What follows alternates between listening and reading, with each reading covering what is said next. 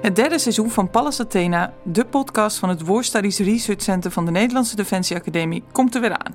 Vanaf half februari kun je zes nieuwe afleveringen beluisteren in je favoriete podcast-app over recent onderzoek naar urgente vraagstukken ten aanzien van oorlog en vrede, conflict en samenwerking. We spreken met Thijs Brocade Sauerberg over extreem geweld tijdens de decolonisatieoorlogen door Nederland, Frankrijk en het Verenigd Koninkrijk. Met Desiree Verwij blikken we terug op haar carrière waarin ze honderden kadetten liet nadenken over ethische vraagstukken. En met Rob Sinter-Niklaas duiken we in de rol van airpower bij Afghanistan-operaties. En we hebben twee juristen aan tafel.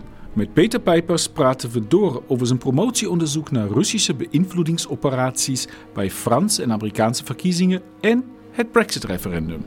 Marten Zwanenburg legt uit welke gevaren er dreigen bij een oorlog in de ruimte.